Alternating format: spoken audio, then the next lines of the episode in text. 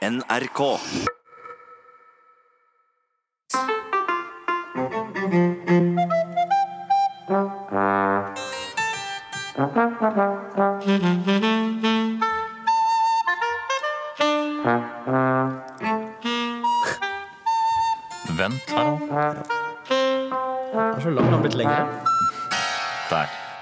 Kan vi ønske velkommen til Tas de Priv med Bård og Harald. I eh, to timer så skal vi ha intervjuer, portretter, småstoff, samtaler, konkurranser.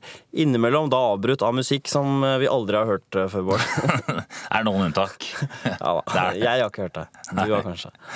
Så lenge de ikke spiller Police, så har jeg ikke hørt det før.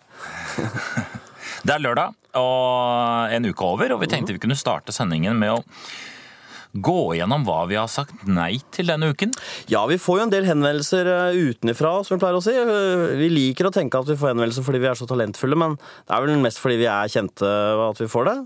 Både ganske gode saker og ikke sånn supergode saker da, som folk vil vi skal være med for å skape blest om det de gjør. Og øh, vi må vel innrømme at vi øh, sier nei til ganske mye nettopp for, å kunne konsentrere oss om å lage ting til dere som sitter og hører på. Ja. Men vi tenkte vi ikke kunne gi dere noen eksempler på henvendelser vi har fått i løpet av uka. Dette er helt sanne ting. Dette er ikke noe vi finner på. Bård, Det er, mandag, det er man, henvendelse mandag til fredag. Ja. En helt vanlig uke, egentlig. Du kan jo begynne, Bård. Du får jo veldig mange henvendelser fra, fra kristne organisasjoner. Ja, for hver gang du sier ordet kristen og meg sammen, så får jeg to nye henvendelser. Og nå har jeg allerede fått Nå får jeg to nye, da. Leser den her. Ja. Det er helt typisk en eh, nettverksfestivalen 2004. Vi, eh, det vi ønsker å kunne bruke deg til, er et foredrag hvor tematikken kan være hvordan vi som kristne kan bruke humor på en positiv måte. Eller som middel for å få fram noe, et positivt budskap. Jeg kan gjerne komme til Nettverksfestivalen 2004. Jeg kan gjerne komme og snakke om hvordan de kan bruke humor for å få fram et negativt budskap. Hvis det er ønskelig, men det er tydeligvis ikke så. Det, de er så, de er, det, vet du hva, de er veldig åpne. Jeg, eh, den ligger eh, Jeg har ikke svart ennå, men det blir vel kanskje nei. Fått... Selv om det er en god sak. Alt er, en- alt er en god sak, på en måte. Ja, det er ikke det. Vi ønsker ikke å disse gjøre narr av de forslagene. Jeg har fått eh, Kjære Harald, vi lager et nyhetsbrev om gjenvinning som sendes ansatte i kommunene. Her har vi en minispalte om kjentfolks forhold til kildesortering av avfall. Har du en erfaring med dette som du kan dele med søppelbransjen? Den, den har blitt liggende i inn...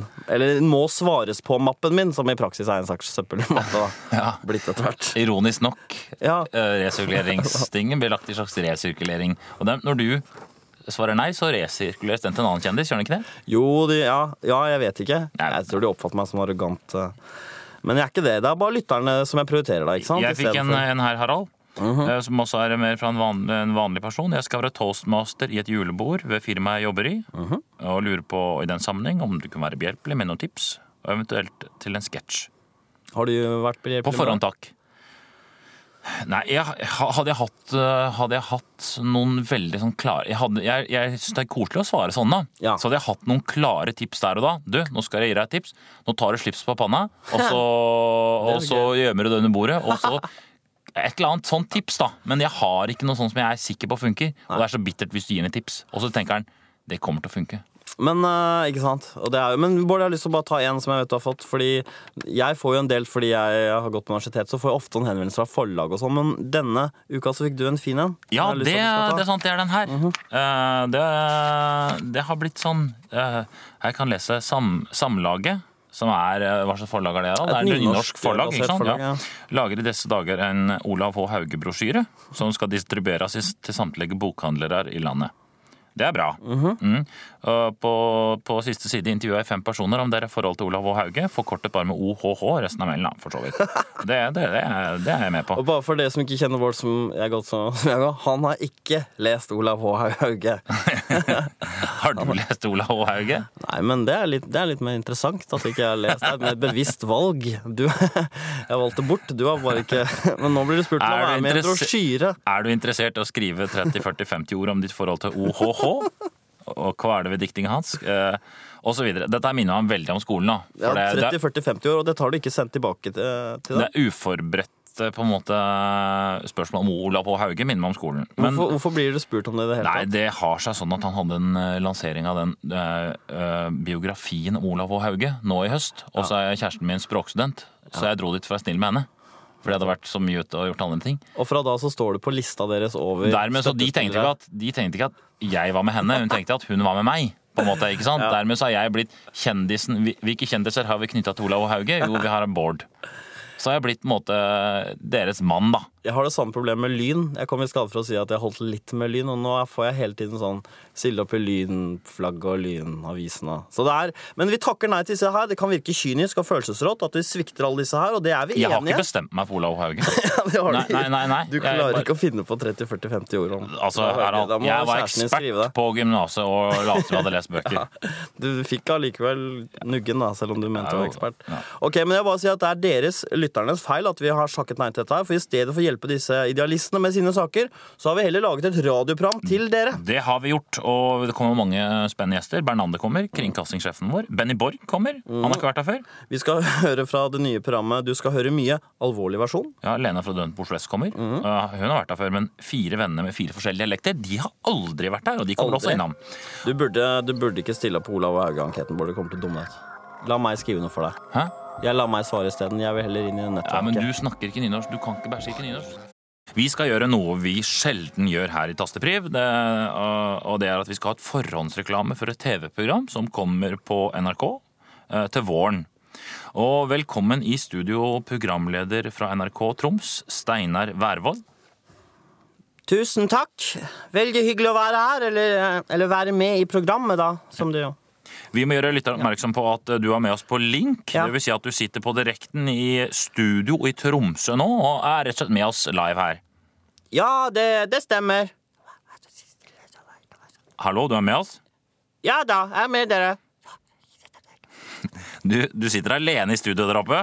Ja, sånn som jeg har fått streng beskjed om fra Oslo, så, så er det bare meg her. Det stemmer. For det skal bare være én om gangen i studio når dere snakker med oss i Oslo på link. Ja ja, det vet vi. Det skal bare kun være én og kun være én i studio. Det er helt sikkert. Vet du hva jeg hører at du hvisker, jeg?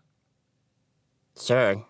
Jeg sa det til dere. Jeg kommer til å høre det. Hvorfor skal dere alltid være flere i det bitte, bitte lille Link-studioet når dere snakker med oss i Oslo? Alle vil jo være her når det skal være link til Oslo. Det er jo en begivenhet, kan du skjønne. Men få de andre ut, da. Ja vel. Det er greit. Ut med dere! Kom dere ut! Bare én gang i Oslo sagt. Det, hallo, Oslo. Det er veldig fint at dere sørpå setter litt grenser for oss her nord. Det trenger vi. trenger litt grenser og ranker og litt strenge konsekvens. Ja, greit. Så nå er du alene. Ja. Ok, greit. Jeg velger å stole på deg, selv om jeg er nå veldig i tvil om du er alene, men vi må videre.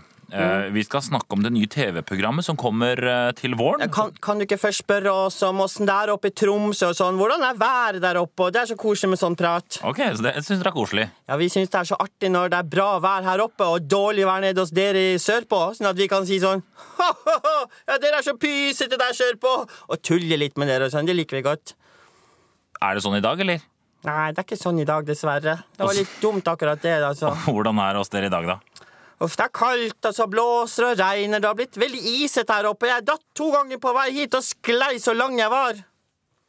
Hvor lang er du, da? 1,49, så ja, det var Det var ikke så ille, det, da. Nei da. Eh, Så er jeg ganske brei også. Jeg ser ut som et kvadrat. Så folk som sto på avstand, de så ikke noe forskjell. Du må, du må egentlig være veldig pirkete for å si at jeg falt, rett og slett. Det var en, ja, du må være petimeter for å si 'han falt', for når jeg er så firkanta som jeg er. Så. Men nå er du i hvert fall i studio alene. Ja da. Du skal altså i gang med nytt TV-program til våren. Et program eh, som skal ta over etter Du skal høre mye. Det er programmet med morsom historie fra Rorbua. Ja, stemmer. Eh, Men eh, det skal ligne ganske mye på Du skal høre mye, altså? Ja, ja, det er egentlig ganske likt, eh, bortsett fra at det er en litt annen tone i programmet. Det, det heter nesten det samme også, med en liten justering, for programmet vårt heter Du skal høre mye. Alvorlig versjon. Hva er eh, forskjellen på Du skal høre mye og Du skal høre mye. Alvorlig versjon. Ja. Ja, for i motsetning til uh, Du skal høre mye, så skal vi i Du skal høre mye, alvorlig versjon, fortelle historier fra landsdelen vår som er realistiske og avspeiler virkeligheten her oppe. Og ikke så morsomme historier, da? eller? Nei, nei, nettopp. Det skal være trivelige historier, men som skal være alvorlige. Har du noen eksempler på hva slags historier det kommer til å bli i Du skal høre mye alvorlig versjon? Ja, for eh, med i Link-studio i NRK Troms, så har vi Du har, det er derfor du har med flere, altså? Eller ha, var det planlagt? Det er flere her. Ja, det var egentlig bare flaks at det var flere her, skjønner du. Det var egentlig hell i uhell. Det, det er egentlig det vi satser alt, alt på her nord. Hell i uhell. De gangene vi får til noe her oppe, så er det hell i uhell-prinsippet. For eksempel, hvis en båt går ned med mange mann, så vel, så er det godt ålefiske rundt det vraket der etterpå. Det er jo kjempehell i et veldig tragisk uhell, så det, det er det vi lever av. Kan du, gi kan du gi et eksempel på en historie fra Du skal høre mye, alvorlig versjon? Kan jeg godt gjøre. Først må vi ha vignetten. Den kan vi ikke være du, så være venner. Kan vi ikke være du, så være venner. Kan vi ikke være du, så være venner. Kan vi ikke drikke brus, ødelegge tenna? Kan vi ikke bygge snus med kalde hender? Nei, nei, nei. Og så kommer programlederen. Ja, ja, da ønsker vi hjertelig velkommen til Du skal høre mye. Alvorlig versjon. Hvor vi i godt lag skal fortelle gode historier som er alvorlige, da. Og så begynner vi med deg, Torjus Fjellvær, med en historie som handler om at vi i nord er ganske så glad i det sterke. Vær så god.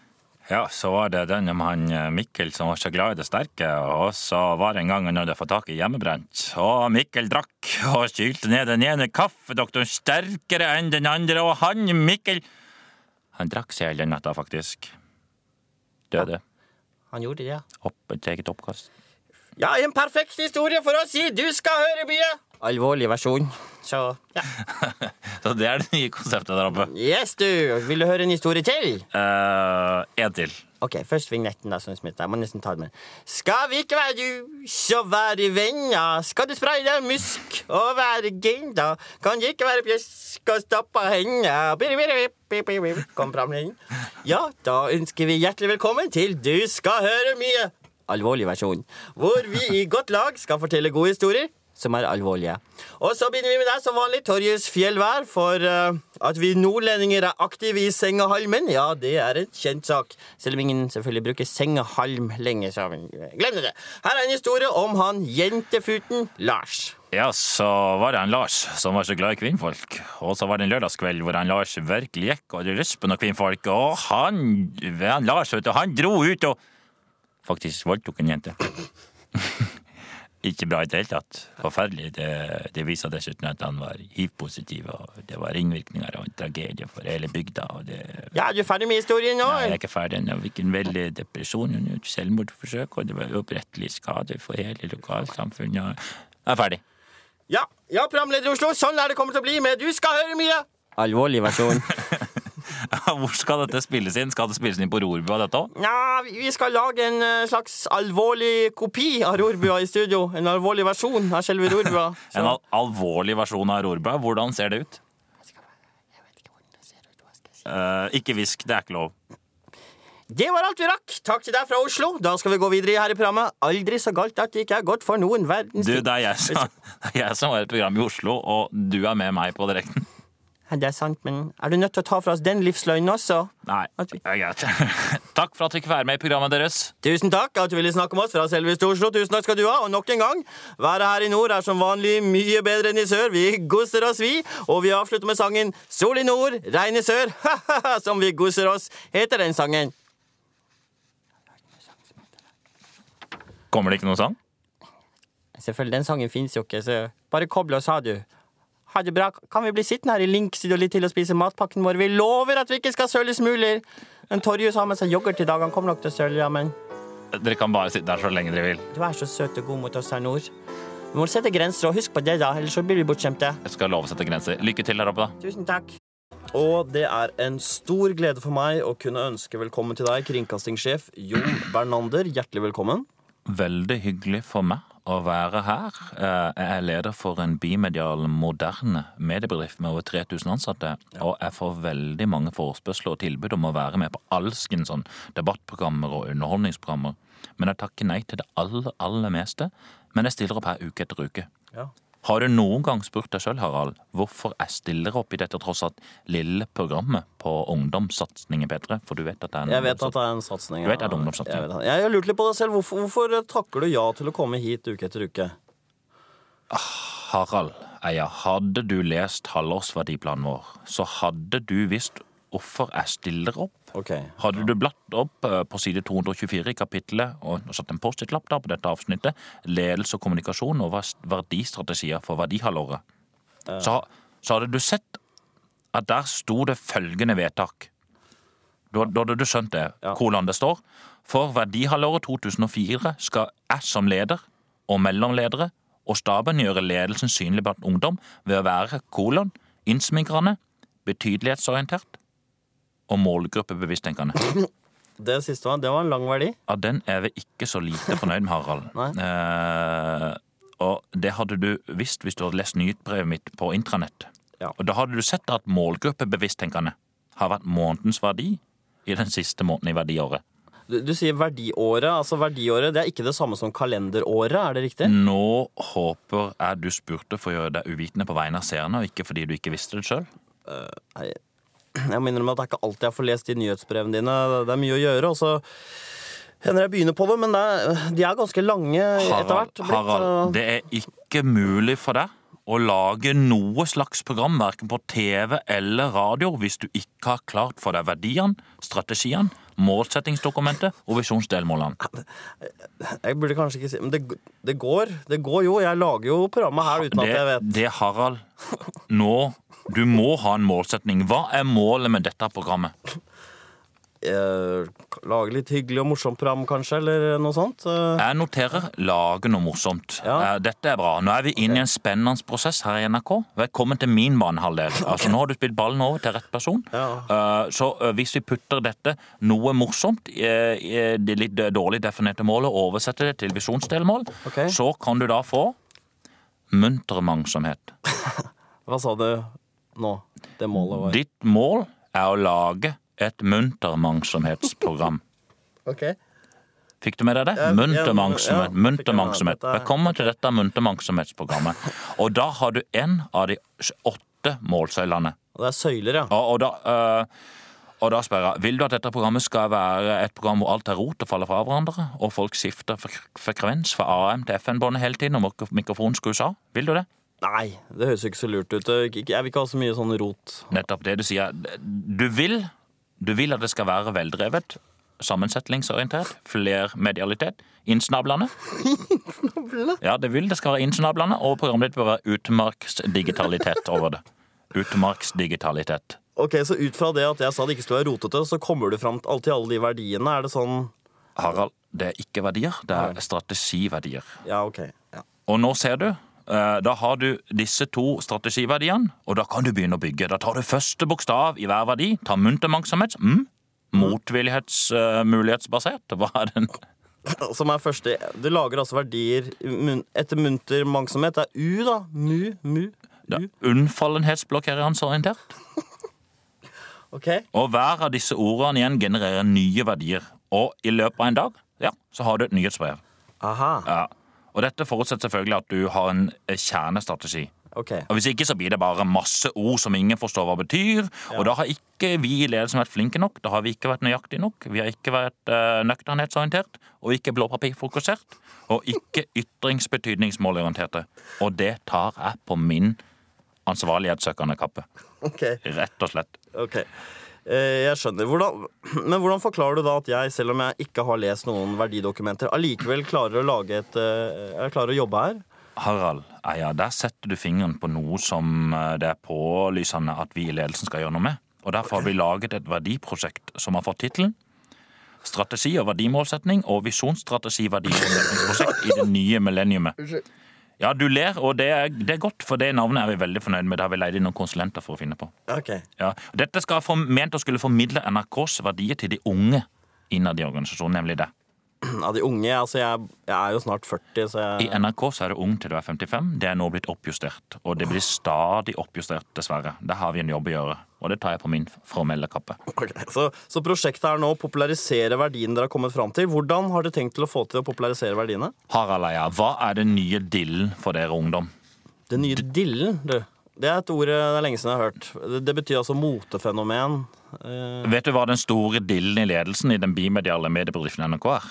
Nei. Det er en kjerneverdi som er blitt den store dillen. Ok, Hvilken kjerneverdi har blitt den store dillen? Rundbøylig. Ok. Den putter vi inn overalt. Jeg har sagt rundbøylig flere ganger enn NRK i dag. Ja, det er såpass? Det er såpass uh, Ja, men det er, det er sånn med, med, eh, med diller uh, med neste verdimåned, som ikke følger kalendermåneden, bare så du er klar over det. Ok, da. Så er jeg kanskje like lei rundbøylig som jeg er, er av underbukser. Underbukser er vel ikke en dille? er Det det er godt mulig, men jeg er i hvert fall lei det. Jeg gidder ikke å bruke det. Gi meg én god grunn til å bruke underbukse. Det er jo en grunn at ikke buksa skal bli skitten. At man ikke trenger å skifte bukse hver dag. For underbuksa beskytter jo buksa når man har vært på do, for eksempel.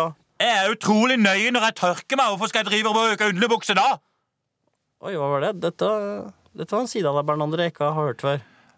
Nå skal jeg bare være beklagelighetsorientert og etterpåklokskapsbasert og legge meg flathetsorientert eh, og si at nå var jeg ikke kringkastingssjef et lite sekund, og dette er ikke godt nok.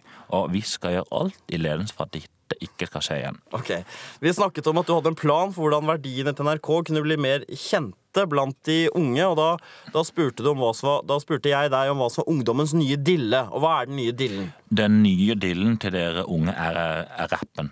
Å ja, ok. Det Dance with a Stranger var for min generasjon, det er rappen for deres generasjon. Som det står eh, i målsetningen. I NRK skal vi bruke en uttrykksform eh, eh, Unnskyld. I NRK skal vi bruke en uttrykksform som er en dille blant ungdom, for å formidle våre verdier. Ja, det var, det var smart. Så dere har også laget en rapp om NRKs verdier? Jeg har laget en rapp. Teksten har jeg laget selv, og melodien, melodien har fått hjelp eh, av Terje Bertelsen. Hvem er det? Hvem er Terje Bertelsen? Eh, tuller du med meg nå? Eh, er du styrt av verdien vrangvillighet? Jeg aner ikke hvem det er. Vi har aldri hørt det, det navnet før. Hvis jeg sier 'Her kommer Julius som alle vil se', svinge seg i toppen av et tre. Ah, Sangen om den fleipete apekatten Julius. Og jeg sier at melodien er komponert av Terje Bertelsen. Hva sier du da? da sier jeg bra. Ja, det var veldig nøytralorientert av deg der, men Ok, eh, Kom igjen, få høre rappen som da skal popularisere NRKs da da, kjerneverdier. Vær så god. Da, Da tar jeg fram denne her og setter på En liten gitar med en synt barne Ja, kjøpt i en leketøysbutikk. Trykker jeg på knappen dille og rapp. Jeg kan også ha disko og alt mulig, men jeg Ja. velger da rapp. Hør der, ja. Ja, Popularisere NRKs kjerneverdier. Kom igjen. ja. Nå begynner jeg. Ok.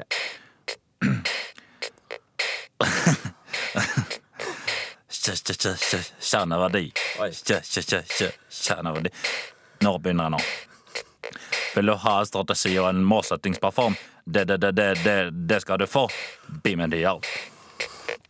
Bimedial. Finn fram en penn og et papir, for her kommer det, her kommer det nå.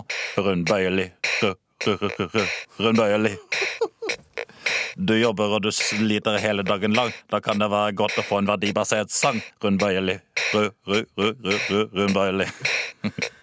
Jeg vil at NRK skal være veldrevet, velrenommert og mangfoldighetsorientert. Mamma mangfoldighetsorientert. Mangfoldighetsorientert. Harald, nå kan du skru opp volumet hvis jeg vil også, men nå ser jeg at du er, er veldig varm i toppen, og det er fordi du har lyst til å danse, og det må du gjerne gjøre. Det må du gjerne gjøre hvis du syns dette var festlig. Det er vel derfor du er varm og rød i toppen din. Ja. Men ikke ikke dans oppå bordet. Nei vel. Det Jeg liker ikke så godt den der dans, dans, dans oppå bordet. Nei. Det syns jeg ikke er veldrevet nok. Nei. Så mitt morsvar til det er, det er den Nei. Ikke noe mer av det. Ikke mer det? Nei, vi blir fle litt sånn flauhetsbasert. uh. Det gjorde det. Ja. Men du har fått verdiene inn i kroppen. Ok, jeg har det. eh, vil Takk for at du kom, Bernander. Veldig hyggelig å få deg her. Ja, Det er bare koselig, og jeg vil gjerne sende stafettpinnen videre til en fleipete apekatten Julius. Du må Tenk deg hvilke uh, eh, kjerneverdier han har, da. Hæ? Tenk deg det. Tenk deg det, han. Fleip, fleip, fleip, fleip, fleip. Det er tid for å kåre vinneren av forrige ukes lyttekonkurranse. Og den gikk ut på følgende. Hvilken norsk kjent person ville du hatt med deg i planleggingen, utførelsen og etterspillet av et drap? Og vi, vi vil ha en grundig begrunnelse.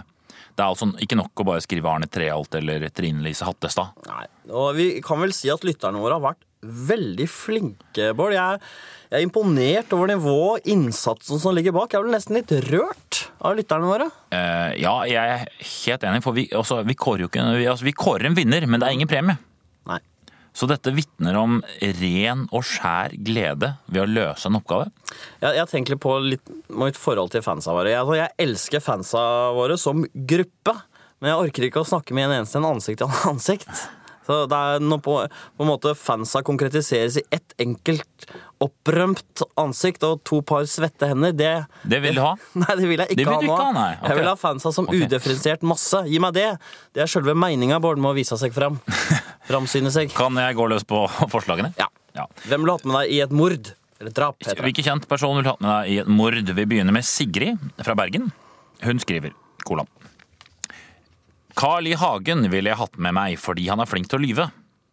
Ja, Aha, kunne det vært, kunne vært mer begrunnelse, egentlig. ja egentlig. kunne Altså, vært jeg var litt gøy å ta med den, for det viser egentlig konkurransens muligheter. Altså, Dette her er jo politisk satire. Ja visst er det. Vi har fått folk til å drive med politisk satire. Ja, ja, vi har det. Og det er spark til de som sier sånn Nei, konkurranse er bare tidsrette. Ja. Det kommer ikke noe godt ut av konkurranse. Ja. De er nå blitt driti ut, både ved stemmen min og Sigrid fra Bergen.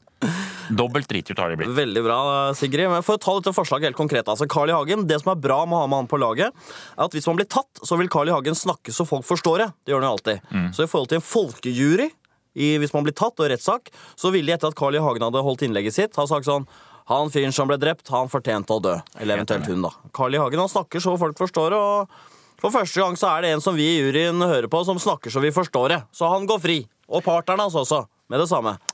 Men eh, Det er et bra poeng. men Grunnen til at jeg ikke ville mene at dette her er en vinner, er at eh, han holder ikke tett. Han ville sagt det til Eli. Ja, er. Og du kan ikke ha med en på drap som skal si det til kona si. Nei, Bare, skal bare si det til kona mi. Det går ikke. Nei, for han det. Og Pluss at uh, Carl I. Hagen og Fremskrittspartiet vil jo gi økte bevilgninger til politiet, og det vil jo være uheldig Ja. når man skal drepe noen og bli etterforskning. Det er sant, og Sånn sett er det bedre å ha med noen fra SV. Ja, ja, selvfølgelig. De vil skjære ned. Eh, Hvis du har med noen fra en politiker fra SV, de vil jo skjære ned sånn at bensin, sånn politiet ikke har råd til bensin til politibilene sine engang. Det eneste de får penger til da, er forebyggende arbeid.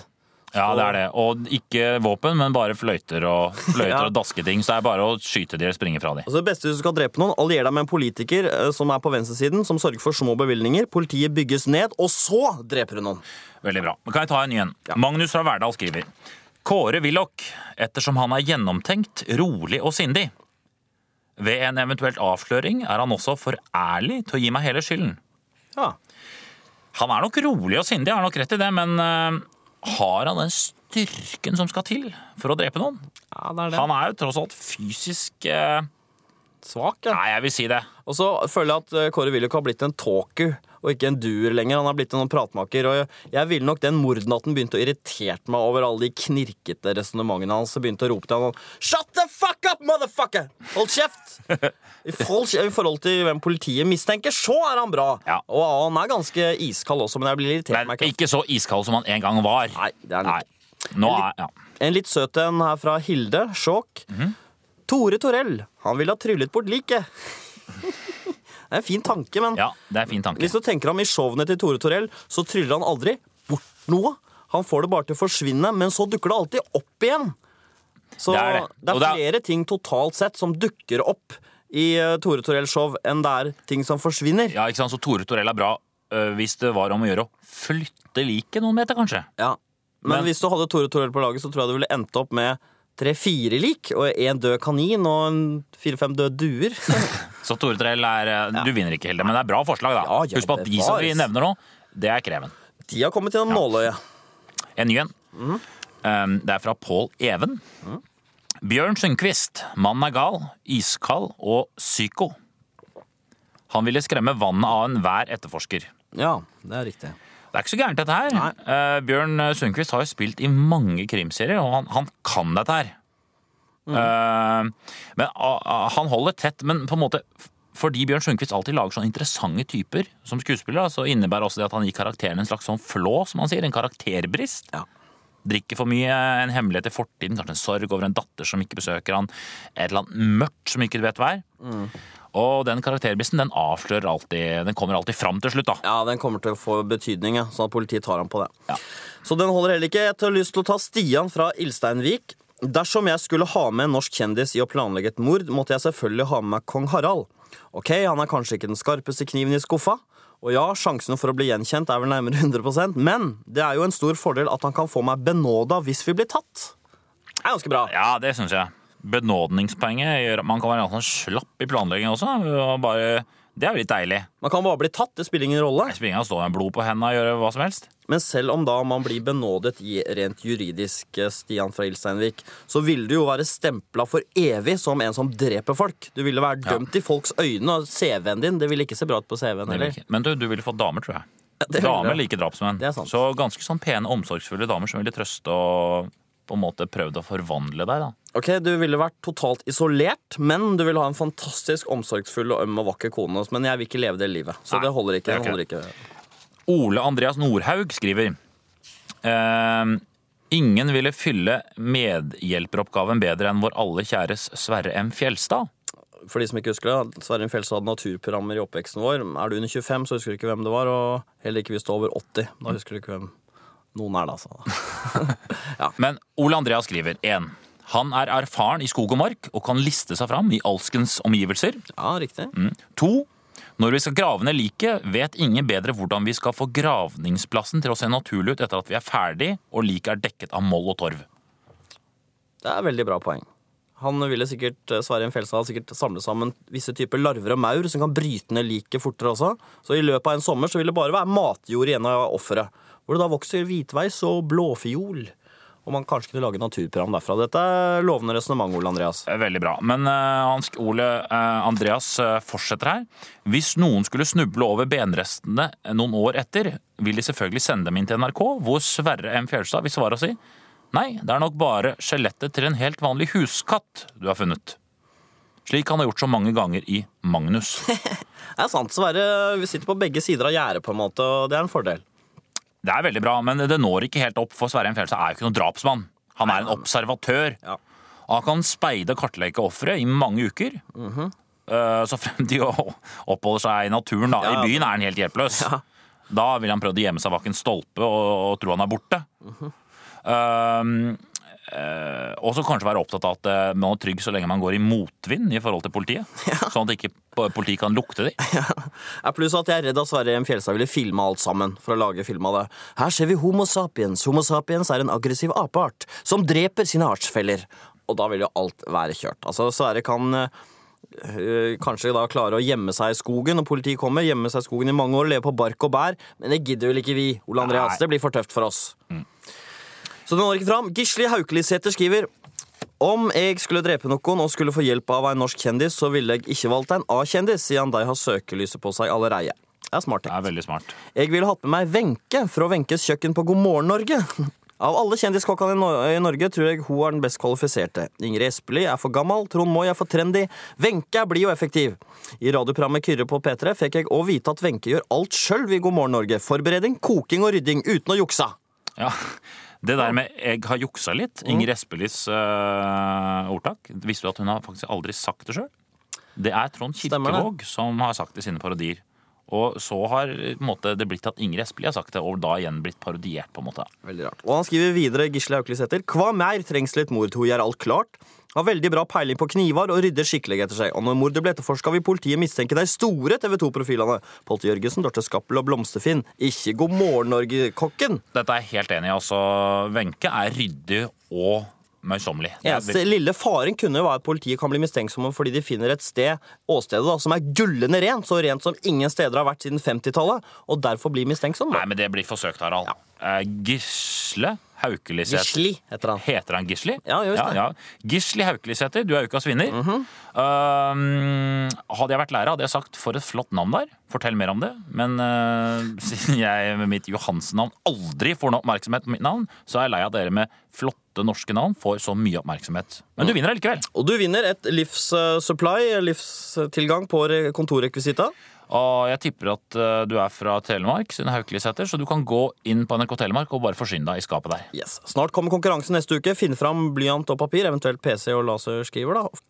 Vi skal utenriks i Datte for eh, det pågår for tiden en borgerkrig i Sudan som har ført til at over én million mennesker er på flukt. Og på direkten fra Darfur i Sudan har vi NRKs korrespondent Morten Svegård. Kan du høre meg fra Sudan? Jeg hører NRK godt. Du står nå i Mornei, den største flyktningleiren i Sør-Sudan. Og hvordan er tilstanden i denne enorme flyktningeleiren? Nesten én million har måttet søke tilflukt fra de borgerkrigslignende tilstandene i Sudan. Og til tross for at hjelpesendingene har kommet fram, det er menneskelige katastrofer overalt, og det vil ta måneder før situasjonen har stabilisert seg. Så det er altså det er én million flyktninger? Ja, det er flest kvinner og barn, og som så ofte før, det er kvinnene som lider. Det er kvinnene som må bære de største byrdene når det bryter ut krig. Det er, det er mye kvinner der, ja. Ja, det er mest kvinner der. Ikke så mange menn i flyktningleiren. Jeg er bare litt nysgjerrig når du sier det. De kvinnene mm, Er det noen søte jenter der? Er det Hva sa du? Jeg, jeg bare lurte på Er det noen pene damer blant, blant de flyktningene? Noen fine damer. De er stolte, de har sine tradisjoner. Ja, jeg skjønner det, men er det noen pene damer der? Er det Jeg skjønner at de er stolte og sånn, men E- Etter det jeg erfarer, og det jeg har sett og fått rapporter om fra andre mannlige bistandsarbeidere fra Frankrike, Italia, Spania, land som fostrer menn som er trent i å spotte pene damer, ja, så er vi alle enige om at damenivået i flyktningleiren er lavt. Ja, OK.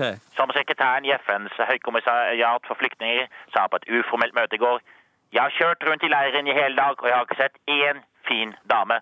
Så damemessig, ja, så er dette en sorgens leir. Det er jo én million flyktninger, hovedsakelig kvinner. Det må jo være noen. Har- Har dere virkelig lett ordentlig?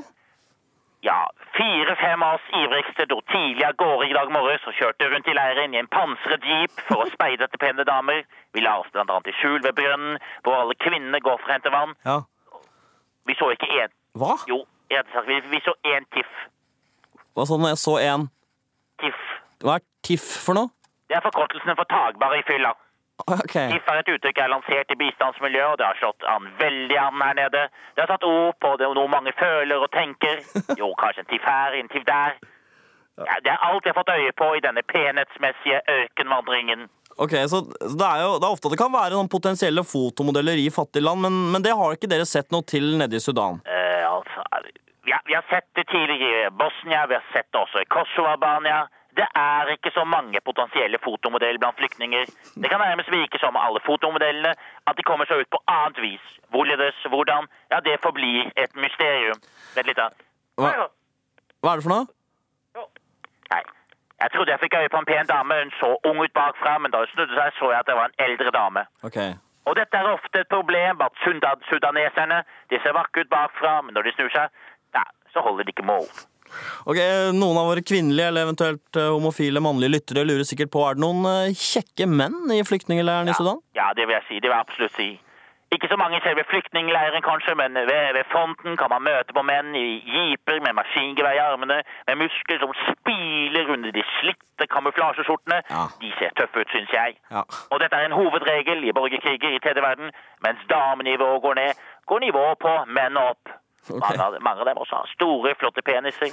Det har jeg selv sett når jeg står og urinerer på ruinene av dette en gang så velstående landet i det sørlige Afrika. Og har de, har de stramme små rumper? Det vet jeg også settes veldig pris på. Det er få eller ingen bredhoftede menn her.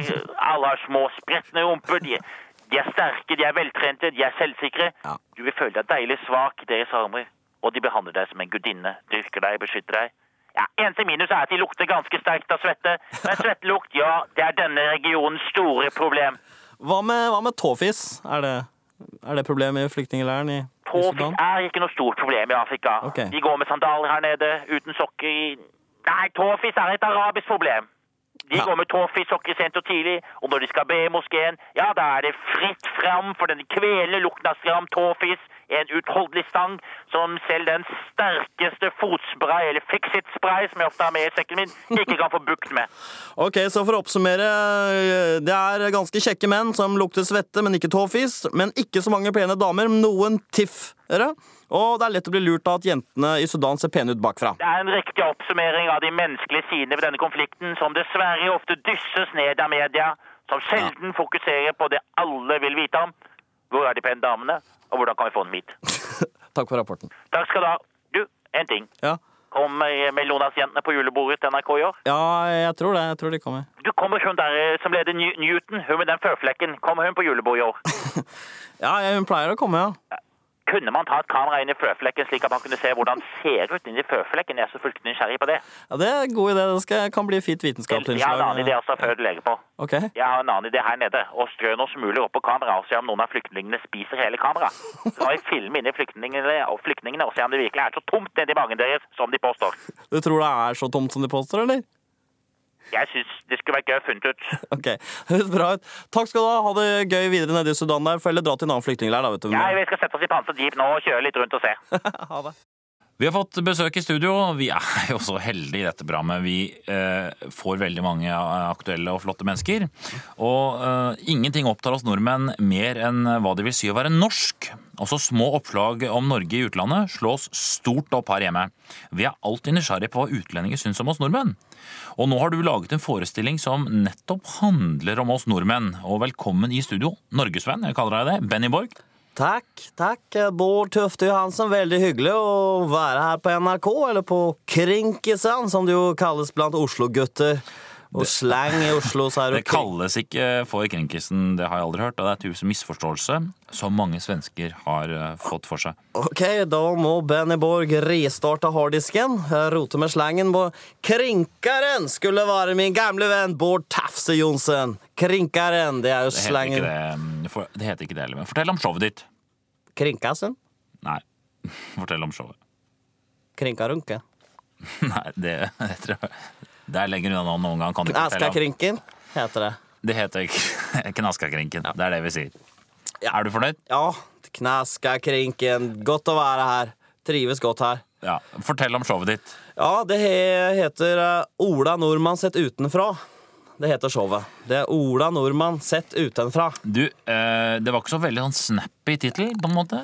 Du vet det, Bård, at eh, nordmannen han, han liker ikke sånn jålete strømlinjeforma Han liker litt folkelig ekte noen Tore på sporet og Odd Nordstoga og nordmannen. Han, han liker at det er litt så enkelt og rett fram. Ikke noe dikkedarier, som Yngvar pleier å si. Hvem er Ingvar?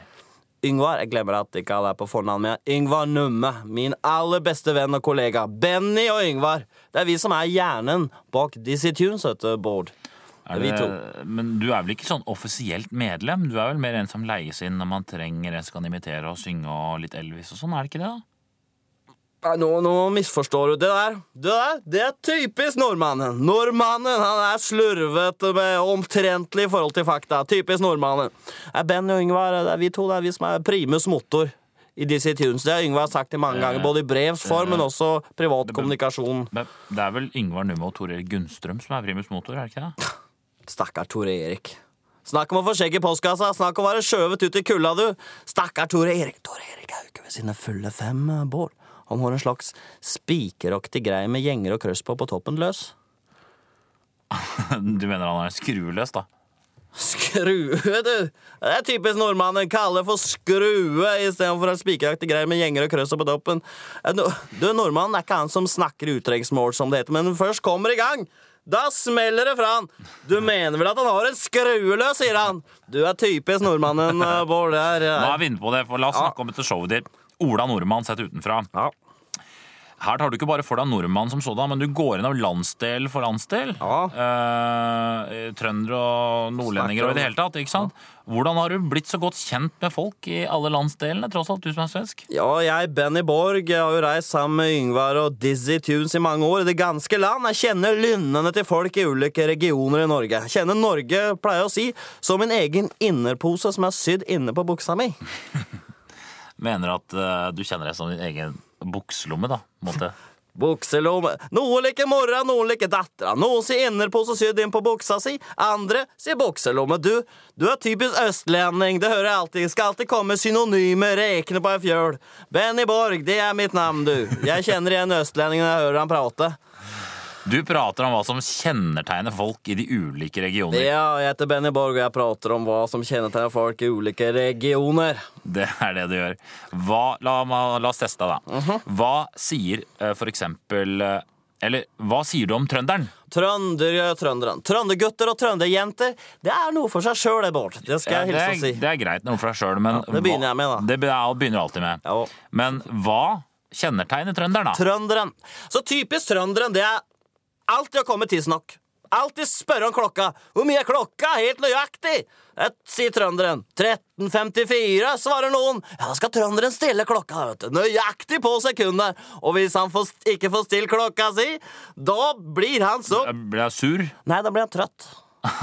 Ja, trønderen han sovner. Typisk trønderen. Trøtt som ei strømpe om han ikke får stilt klokka si. Ifølge Benny Borg. Jaha. Eh, Hva kjennetegner eh, sørlendingen? Sørlendingen, du. Det er bra. Han eh, liker å prate om internett. Han liker å kjøre buss. Sørlendingen. Hvis han ikke rekker bussen, Hva da? Da blir jeg trøtt som en strømpe og sovner tvert. Stakka trøtting. Stakka sørlandet-trøtting. for typisk sørlendingen er vel at han er litt treig? Nei, da hvor har han fått det fra? Det er aldri, Ingen er så rask på labben som sørlendingen! Og det er merkelig med Sørlingen, Han liker ikke å tisse på vanlig do. Du ser aldri en sørlingen tisse på do. Han tisser på pappesker og bøtter, og så heller han over i småbøtter og fryser det ned. Og serverer tisseis på 13. dag jul. Jo, jo, der har du sørlendingen i en, et nøtte, en nøttebeskytter. Du mener nøtteskall? Jeg kan godt si nøtteskall, men jeg kan si det, men jeg foretrekker å si nattebeskytter. Du foretrøtt, foretrekker Og trøtt.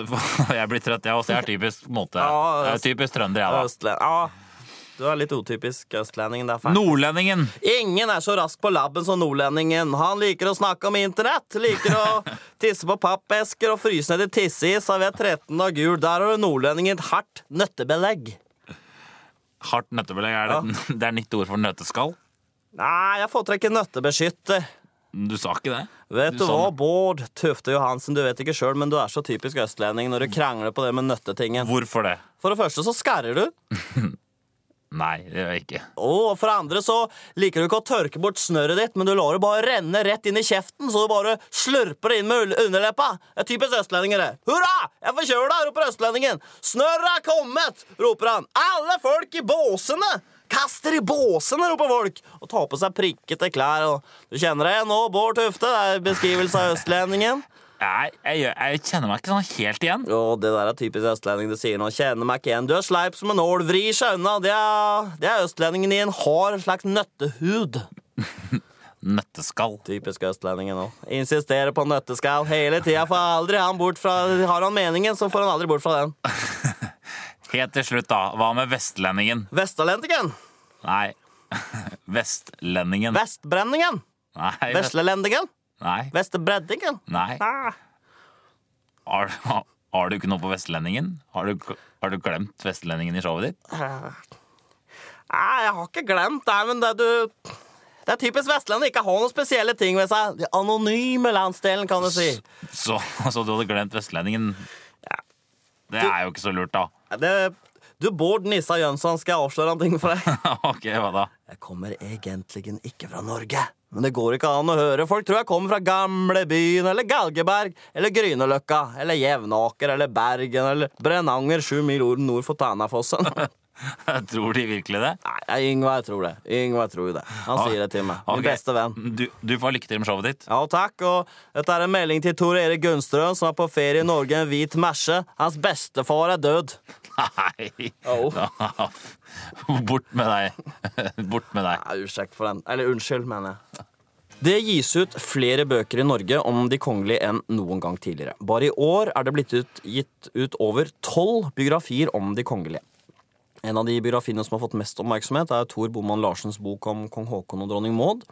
Mange husker sikkert Tor Boman Larsens hypotese om at kong Haakon ikke var faren til eh, kong Olav. Men det er ikke det vi skal snakke om nå. Det skal handle om plagiatbeskyldninger innenfor kongebiografisjangeren. Eh, Velkommen til deg, Terje Øvrengen. Tarjei Øverengen. Ok, det står eh, Terje i den boka du har gitt ut om Ja, og det var en tabbe fra hun kjerringa i forlaget, men jeg kalles for Terje absolutt alle som kjenner meg. Men du, du skriver det tydeligvis da Terje? Nei, det skrives tar... Jeg, altså Tarjei? Det skrives med E her. Det står E i alle papirene. og Terje. Skriftspråk og muntlig språk er såpass atskilt der jeg kommer fra, at eh, jeg skriver det med lydskrift. Så da blir det en A med en prikk over, og så blir det en sånn rar S som ser ut som paragraf, og okay. D med en strek over.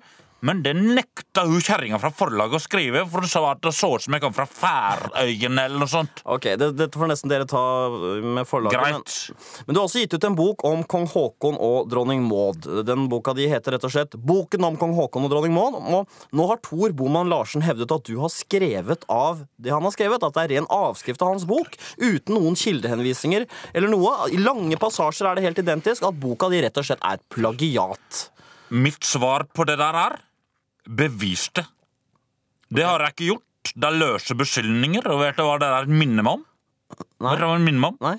Det minner meg om den gangen hun kjerringa på forlaget beskyldte meg for å ha tatt kontorrekvisitter fra kontoret hennes da hun var ute for å hente kaffe, og jeg var borte når hun kom tilbake. Og det var en del kontorrekvisitter også borte. Ja, det var det, så da. Ok, så minner deg om det. Akkurat de samme beskyldningene. Så minnene kommer. Ok, men Dette har jo vært debattert i Dagbladet de siste par dagene. og Det har kommet fram en del eksempler på hvordan du har plagiert Tor Boman Larsen. Jeg, jeg kan jo først lese fra Boman Larsens bok, som handler om 1905. De dramatiske dagene omkring unionsoppløsningen. Greit, bare les. Side, 100, side 404. Greit. Klokken fem på ettermiddagen 19. oktober samlet Folkets Kårne seg i stortingssalen. Folkets Kårne, sa- Kårne seg. Uten aksept fra København kunne ikke statsminister Mikkelsen ta kongevalget opp til votering. Møtet ble holdt for lukkede dører med den fremtidige kongen til stede. Du akker og okker deg, Tarjei. Mens du leser, jeg faktisk sova litt, rett og slett. Ja. Det var så kjedelig. Jeg hadde ikke trodd jeg skulle sovne i radiostudiet, for jeg var ganske nervøs for disse beskyldningene. Jeg hadde harehjerte. Harehjerte hadde jeg sagt jeg sovna, og det beviser bare hvor utrolig kjedelig og søvndyssen de greiene der, bomman Larsen er. Ok, Det gjorde at jeg leste litt dårlig, fordi du satt og stønnet så fælt. Men ok, så kommer din passasje fra ditt kapittel Greit. om 1905, som også er på side 404. Jeg kommer til å være stille som mus. Ok, Her kommer det du har skrevet. Klokken fem på den grønne ettermiddagen 19. oktober samlet de fjompete folkets kårne seg i den fisete stortingssalen. Uten snørrete aksept fra det korte København kunne ikke den luggete statsminister Mikkelsen ta det krøllete kongevalget opp til slimete votering. Det stinkete møtet ble holdt for lukkede gusjegrønne dører med den fremtidige humpete kongen til stede. For det første, det er jo ikke likt det der Det er to helt forskjellige ting du har lest nå. For det andre, det er mye bedre. Det er så levende med alle adjektivene. Ja, for det er akkurat dette kritikerne har vært inne på. Du har tatt det Boman Larsen har skrevet, og hatt en slags adjektivlek med boka hans. Puttet inn masse adjektiver. Nå minner det meg utrolig om hun der fisete kjerringa på det fjompete forlaget. Dette er jo det må du innrømme, det er ord for ord likt, med, men at du har puttet på masse adjektiver. Det Du er jo bruker så utrolig fine ord. Adjektiver, ord for ord. Skrive rett av. Skrevet. Altså, snakk så folk forstår det. Er dette så vanskelig? Jeg snakker jo ikke så vanskelig, da. Snakker vanskelig. Du bruker så fine ord. Du må være professor for å skjønne hva du sier. Du skal du huske hvem du er og hvor du kommer fra, mister. Ok, Men hvis man tar bort de ordene som du har puttet inn, fjompete og lugget og sånn, så er det jo nøyaktig Boman Larsens tekst. Det må du innrømme. Alt blir likt hvis du leser det med lik stemme. Ok, Da blir alt likt, da. Når du leser med, med, med lik, får låne den boka til Boman. Skal jeg vise deg. Sånn skal du lese Boman Larsen sin. Krøkke, Sånn Kan man lese sånn? Med ånds... skal du lese av Boman Larsen. Ok, og sånn skal man lese din bok, da. Klokka fem på den grønne ettermiddagen 19. oktober samlet de fjompete folket skåne seg i den fisete stortingssalen. Okay. Hører du det? Ja, jeg hører at det er jo Hvis du fortsatt mener at det er likt, så skal jeg gjøre med deg som jeg gjorde med kjerringa på forlaget. Hva var det du gjorde med kjerringa Jeg tok og stifta hånda hennes fast i pulten med kontorrekvisitter, så tok jeg faktisk og hulla leppene hennes med hullemaskin, og så tok jeg rettelakk på øyeleppene hennes, og alt ble hvitt. Og så tok jeg eh, markerpenn og merka de stygge fregnene hennes, så det ble mer synlig. Og så tok jeg viskelær til slutt, og så viska jeg ut SV-farga rødhåret hennes. Det var veldig eh, slemt. Det var da Du bruker så mange fine ord, og det var det var da veldig Snakk så folk forstår det. Ja, hva burde jeg ha sagt, da, istedenfor snakk så folk forstår det? Eller sånn at folk forstår hva jeg sier? Istedenfor oi, det var da veldig, så kunne du sagt fjollete oi, det var da fisete veldig. Ok, putt inn flere adjektiver. Takk for, jeg vil takke for at du kom. Da vil en slimet jeg takke for at uh, prompete for at prikkete kom. Ok, Så det nå sa du noe som folk, for, så folk forstår det, da. Nå gjør det. Kan du til slutt spille noe med Nordstoga, vær så snill? For jeg tar opp dette programmet på kassett, så da kan jeg endelig få Odd Nordstoga på kassett. Og det har jeg ikke. Men da må du være helt musestille før Odd Nordstoga begynner, sånn at det ikke blir prat oppå. Ok, Det er et problem når du tar opp, selvfølgelig. På kassett. Ja, Odd Nordstoga på kassett, love. vær så snill. Jeg kan ikke love noe. Få høre hva dette er, da. For på det på kassett. Forrige gang så spurte jo hvilken kjent norsk person ville du ha med hvis du skulle drepe noen og ikke bli tatt. Denne gangen skal vi være litt mer science fiction-inspirerte. Vi spør nå hvis du skulle reise 1000 år tilbake i tid, og du måtte reise 1000 år tilbake i tid og måtte bo der for 1000 år siden, snakker vikingtid da, ca. 1004. Du kan dra tilbake til Norge, men du kan også dra til andre land. Hvilken ting ville du helst hatt med deg da? Du har lov til å ha med deg én eneste ting tusen år tilbake i tiden. Og målet er jo at den tingen du har med deg, skal skaffe deg makt, penger, rikdom, suksess. Så liksom tannbørste. Det blir bare tull. Ja. Og husk at eh, du, du, du må ta hensyn at du må ikke være en ting du går for tom for. Ikke sant? Eh, type ammunisjon. Det er masse tyver som herjer der. Du, du må være forsiktig. Og som vanlig vil ha en god begrunnelse. Helst litt omfattende begrunnelse. Så ikke sant, tar du med deg gevær, så går du for tom for ammunisjon, tar du med en bil, det er ikke noe vei, vei eller bensin. Nei. Så det er jo tusen ting man ikke har lyst til å ta med der, så det gidder jeg ikke spørre deg om, Bård. Jeg har lyst til å heller spørre deg, hvis du skulle reise tusen år tilbake i tiden, hvilken kjent norsk person ville du helst ikke ha hatt med deg da? Uh, ikke hatt med. Mm. Jeg føler at Jannicke svake menneske ville vært en dårlig ko kompanjong Ja. for tusen år siden. Altså Hun kan jo ikke lage mat og kan jo ikke sånne ting, og hun ville blitt brent som en heks. Jeg meg. Og det ville gått utover deg òg. Samtidig så ville, er det mulighet for at hun kunne blitt tilbedt som en slags gudinne eller noe, så jeg, jeg vet ikke om Jannicke er Jeg, ville, jeg tror jeg heller valgt Homsepatruljen. Dra sammen med dem. Eller ja, en av dem.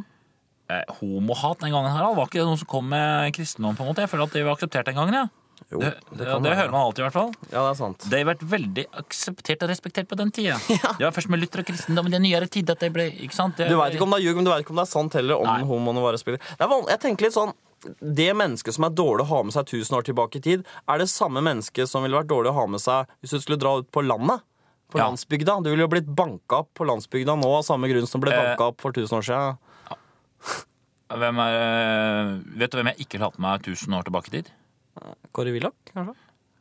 Han ville blitt respektert, tror du ikke Ja, det? sant jo da. Det var underskudd på folk som tenkte klart den gangen. Og okay. den jeg minst ville hatt med meg 1000 år tilbake i tiden, det var faktisk deg, Harald. Meg? Ja, det, det er helt, helt alvorlig. ja. Meg? Ja, altså Ingen ville skjønt noe av humoren din den gangen. Og du vil ikke bli sånn koselig narr. Det er du ikke noe flink til. Du vil ha et problem med maten. Du vil mye tid på å lage makrell i tomat på et eller annet øh, styr. Var det. dårlig til å lage mat også, du vil ikke klart lage majones. Du, altså, øh, og du ville sagt rett ut at det var bare overtro tull, alt de holdt på med. Ja. Uh, du ville sagt sånne ting. Hvor har du det fra? Hvor har du lest det? Uh, ville du sagt. Ja. Uh, jeg kan gi Altså, det er så mange ting som gjør at du jeg aldri vil ha med deg. Altså, litt... og jeg vil, vil, bli- altså, det ville vært sånn, du fått problemer, så hadde du gjemt deg bak meg og bedt meg ordne opp. Og så hadde du blitt drept begge to. Skjønner du? Jeg hadde blitt dratt med i dragsuget. Det hadde Harald ment her, og så ville du blitt brent. Jeg, er vel født i den eneste epoken i historien hvor jeg kunne ha overlevd. Det lille vinduet i menneskets utvikling hvor jeg har en sjanse. Så jeg vil forresten gjerne hatt med meg deg. Så vet du det. Er det sånn? Det er vennskap. Ja, det er vennskap, det, Ja. Så, Men tilbake til konkurransen. Send inn hvilken ting altså vi går tilbake til begynnelsen, hvilken ting ville du helst hatt med hvis du skulle reise 1000 år tilbake i tid? Altså til da 1004, for eksempel. Da. Og vi har fått besøk av vår faste lørdagsgjest, informasjonsmedarbeider i RFSU, Lena fra Døden på Oslo S. Velkommen.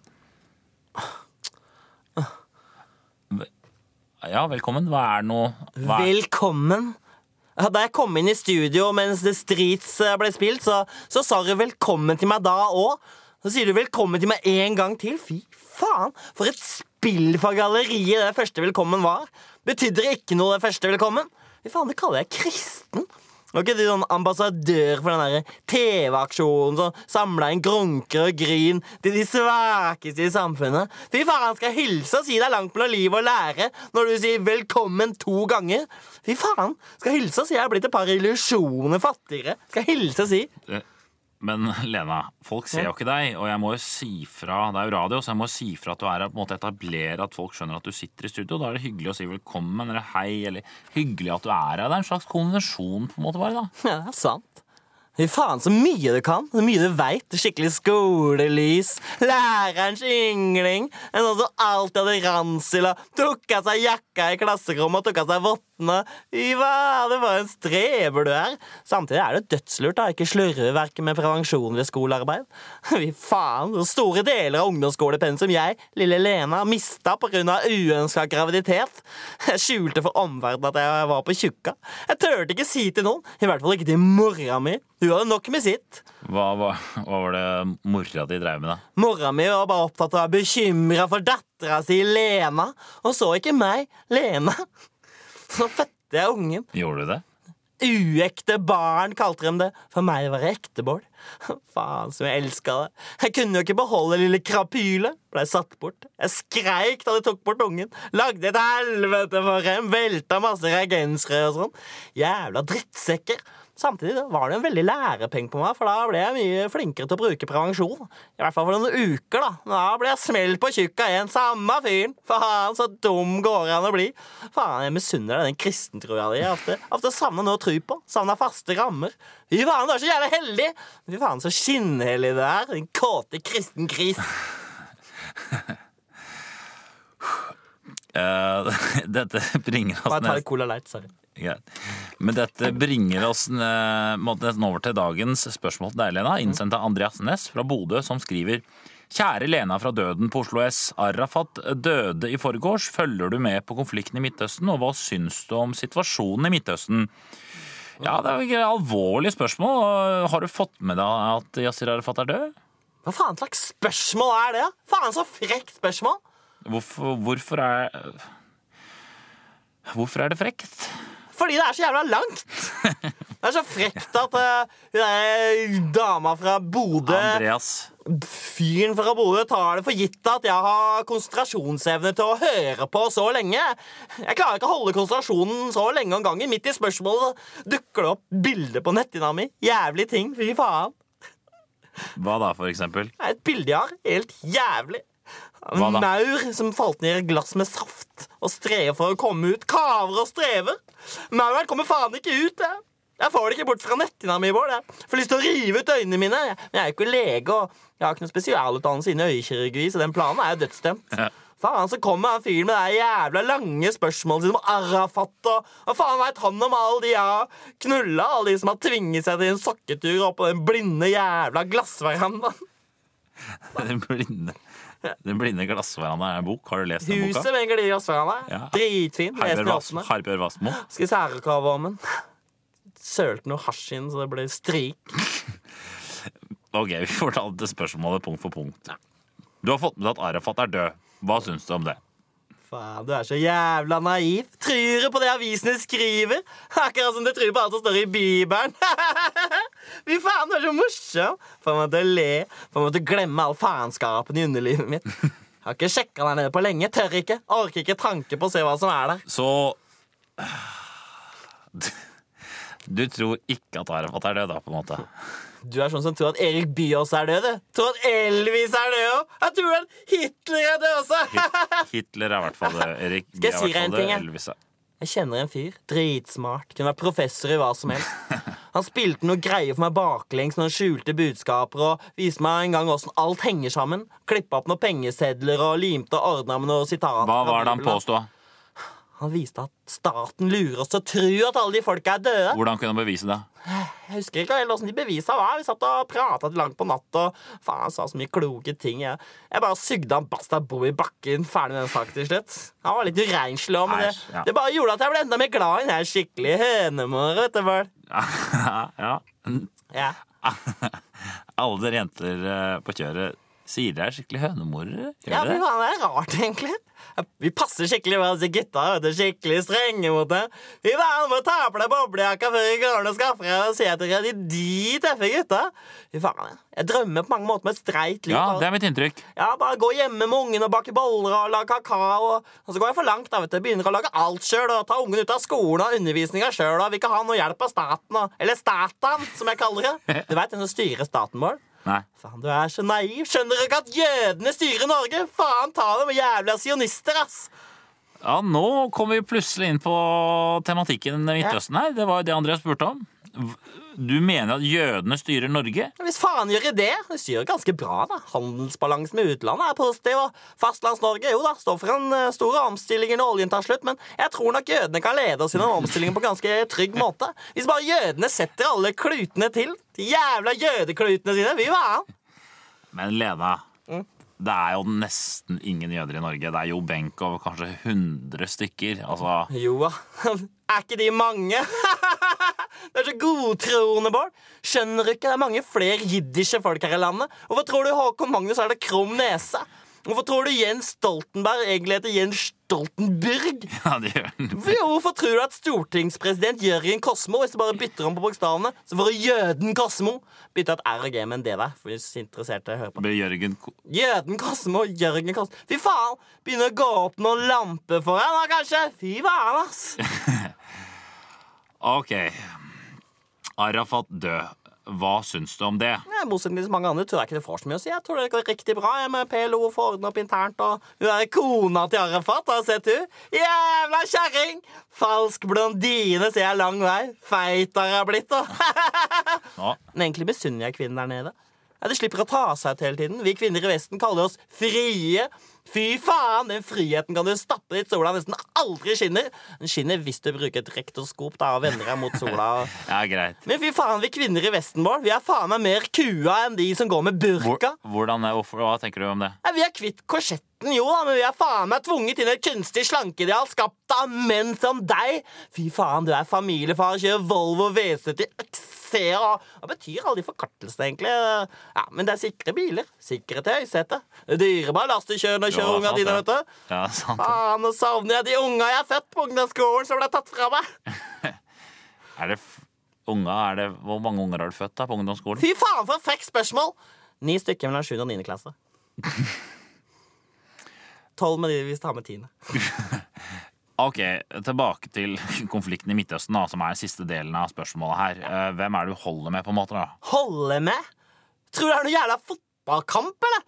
Men Samtidig, jeg synes det er en vanskelig konflikt, for det er ofre på begge sider. Og samtidig har ikke partene gjensidig respekt for hverandre. Men det skal bli fremgang i fredsprosessen, så tror jeg faktisk at Israel må ta mer hensyn til FNs resolusjoner. Ja. Oi, bra. Det var et veldig nyansert eh, og fint svar, Lena, Synes jeg. Nyansert. Hva faen hjelper det med nyanser i Midtøsten-konflikten når prisen på liggeturer synker så det griner etter? Hva faen i helvete! Hva er det nå? Har du svelget noe narkotika hjem til prevensjonsmiddelet nå, eller? Ja, faen, jeg rota. Istedenfor å putte heroinen oppi kondomer og svelge det, så putta jeg noe hasj som jeg smurte inn med sæddrepende krem.